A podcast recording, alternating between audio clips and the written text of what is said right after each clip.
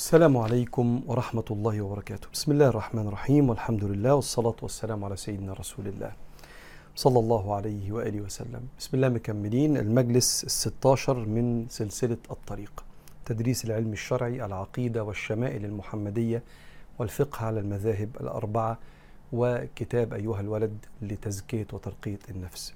كتاب العقيدة الطحاوية في العقيدة الشمائل المحمدية للإمام الترمذي عن رسول الله عليه الصلاة والسلام صفاته الخلقية والخلقية.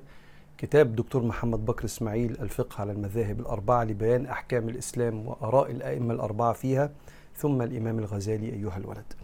كل مرة بنبدأ مع بعض في شرح كتاب العقيدة الطحاوية للإمام الكبير أبي جعفر أحمد بن محمد الطحاوي المتوفى سنة 321 هجريا ووصلنا فيه للمسألة اللي كنت بقول لحضراتكم كل ما نيجي نتكلم عن القضاء والقدر أقول لك دي خطر إنها بتحتاج لقدر من التسليم وتفويض الأمر لله والثقة في رحمة وعلم وعدل وحب الله لنا هو بيقدر لنا المقادير. قال الإمام الطحاوي في مسألة القضاء والقدر ولازم تبقى تابعت الجزء اللي فات أو الحلقة اللي فاتت ال 15 عشان تعرف تكمل معانا الحلقة ال 16 قال فهذه اللي قلناه المرة اللي فاتت جملة ما يحتاج إليه من هو منور قلبه من أولياء الله تعالى وهي درجة الراسخين في العلم لأن العلم علمان علم في الخلق موجود وعلم في الخلق مفقود فإنكار العلم الموجود كفر وادعاء العلم المفقود كفر. ولا يثبت الإيمان إلا بقبول العلم الموجود وترك طلب العلم المفقود. هو بيقول إن الإيمان بسر القدر وسر القدر عند العلماء. فاكر لما كنت بقول لك في ثلاث دوائر للقدر؟ إنك تألف ما بينهم وتؤمن بيهم مع بعض وراهم سر. تؤمن أن الله احتفظ بهذا السر لنفسه, لنفسه لم يطلع عليه. لا نبي مرسل ولا ملك مقرب. وإحنا مختبرين بالإيمان بهذا القضاء والقدر. إن في دايرة بتقول لا يكون في ملك الله إلا ما أراد. ما فيش حد بيعمل حاجة إلا بأمر الله. والدايرة الثانية أنت محاسب على اختياراتك وأفعالك. والدايرة الثالثه ولا يظلم ربك أحدا. اقعد لف ما بينهم كده هتلاقي في حتة محتاج تقول أنا مش فاهم بس آمنت بالله قدر الله وما شاء فعل أنا مطمن لقضائك وقدرك يا رب العالمين سبحانه وتعالى. وعايز أفكرك بمعنى إن العلماء يقولوا إن القدر اللي مكتوب عند ربنا في الكتاب الكبير اللي فيه كل حاجة اسمه اللوح المحفوظ أو أم الكتاب. ولما يتحقق يبقى اسمه قضاء يبقى القدر المكتوب ولما يتحقق قضاء. بعض العلماء بيعكسوها يقولوا اللي مكتوب قضاء ولو اتحقق يبقى اسمه قدر ويعني إيه أنا لما باجي أشرح بستسهل إن اللي مكتوب أو بستريح لإن اللي مكتوب القدر ولما يتحقق يبقى قضي الأمر. فبيقول الإيمان بالقضاء والقدر والتسليم لتدبير الله لشؤون العباد في الأرزاق وفي الأكل والشرب وإمتى هيتولد فلان وإمتى هيموت فلان. ومين لما نديله الدواء هيشفى؟ ومين هنديله الدواء لكن مش هيشفى وينتقل للرفيق الأعلى لربنا سبحانه وتعالى ومين هيحط القرش يجيب مية ومين هيحط القرش يجيب مئة مليون. ومين هيحط القرش مش هيجيب من هنا بس هيجيب من مكان تاني لأن ربنا وعد قال إنا لا نضيع أجر من أحسن عملا. قدر ربنا سبحانه وتعالى. مين هيتجوز ويكمل ومين هيتجوز وقد ينفصل.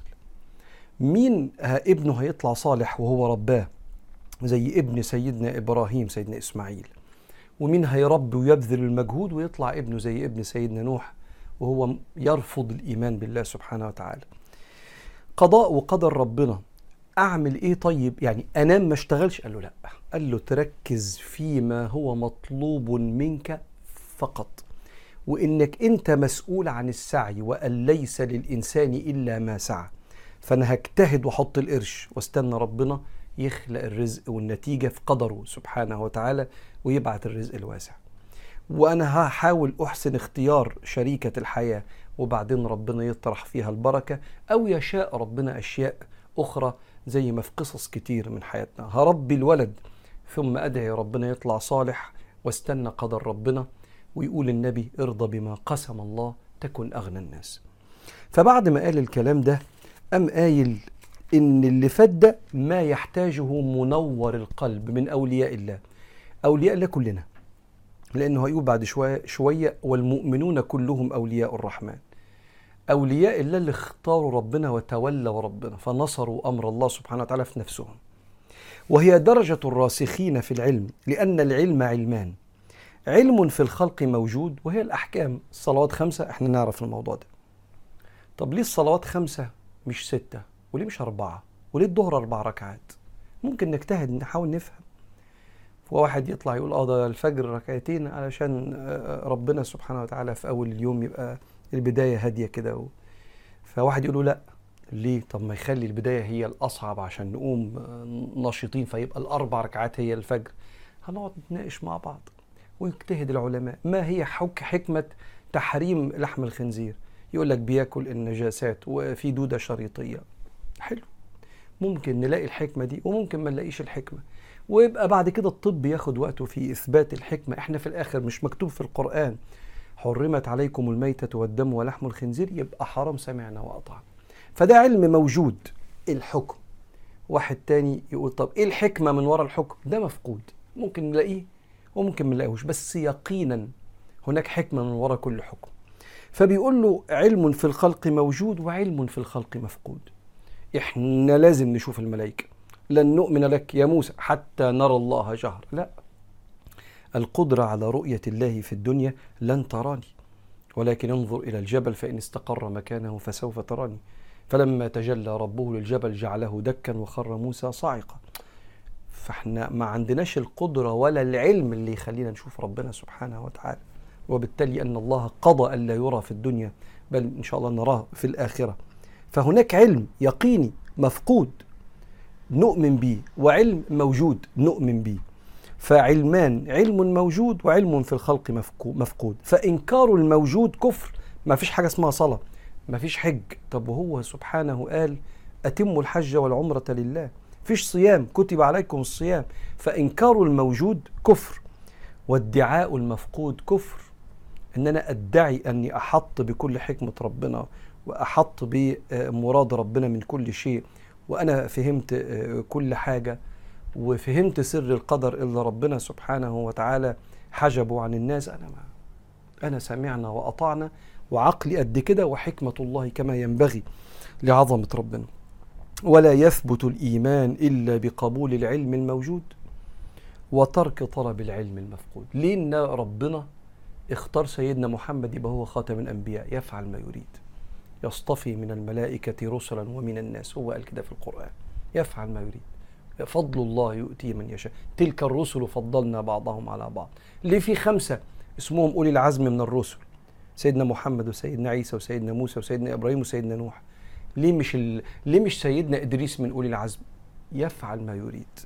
فنحن لا نبحث فيما لم يعلمنا الله سبحانه وتعالى وده الرسوخ في العلم.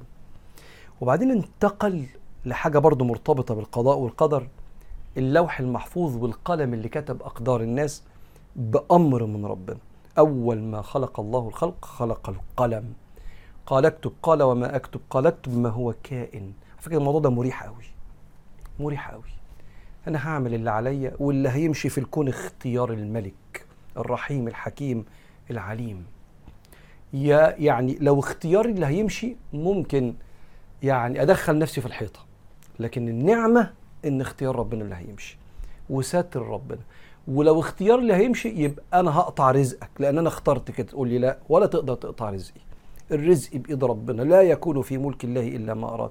ولو كتب إنك هتأذيني هتأذيني وأنا راضي بقضائه ولو كتب إنه يحميني يبقى هيحميني وأنا راضي بقضائه كل ده طبق ده على اللي جاي. قال ونؤمن باللوح والقلم. وبجميع ما فيه قد رقم يعني اتكتب. فلو اجتمع الخلق انت ربنا كاتب لك 5000 جنيه في الشهر وأنا بقول لك لا مش هيوصلوا لجيبك.